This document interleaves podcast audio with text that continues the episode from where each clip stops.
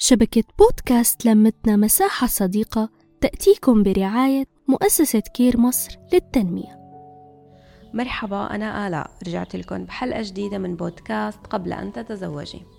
اليوم بحلقتنا رح نحكي عن صفات الرجل الحنون. الرجل الحنون رزق كبير وإذا جوزك أو خطيبك عنده من هاي الصفات فهنيئا إلك. الحنية مو بس بالكلام الحلو في كتير لفتات بتبين حنية شريك حياتنا.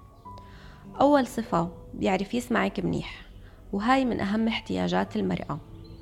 بسمع لمشاعرك أو وقت المشاكل بدون ما يكون بس شغله الشاغل يلاقي لك حل لأنه المرأة بكتير أوقات بس بدها تفضفض وتعبر عن اللي جواتها. تاني صفة عنده طاقة تسامح يعني بعديلك شغلات وما بوقف عندها ويضل يذكرك فيها. ثالث صفة بيهتم بتفاصيل يومك. ويتواصل معك خلال اليوم يطمن عنك. أكلتي؟ أنت منيحة؟ شو عم تعملي؟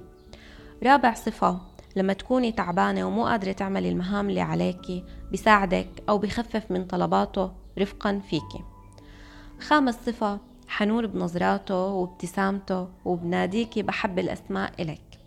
سادس صفة بخاف على زعلك وبيعتذر إذا أخطأ بحقك. سابع صفة عنده لفتات رومانسية. مثل يفاجئك بوردة أو شوكولا يتذكر عيد ميلادك ويسمعك كلام رومانسي. وآخر صفة بحب الناس اللي بتحبيهن وبيعاملن منيح كرمالك فإذا شريكك عنده من هاي الصفات قدريه واشكريه وعامليه بالمثل وأحسن. وهيك أعزائي المستمعين وصلنا لنهاية الحلقة. بتمنى تكونوا استفدتوا واستمتعتوا وبلاقيكم بحلقة جديدة. ومع السلامة.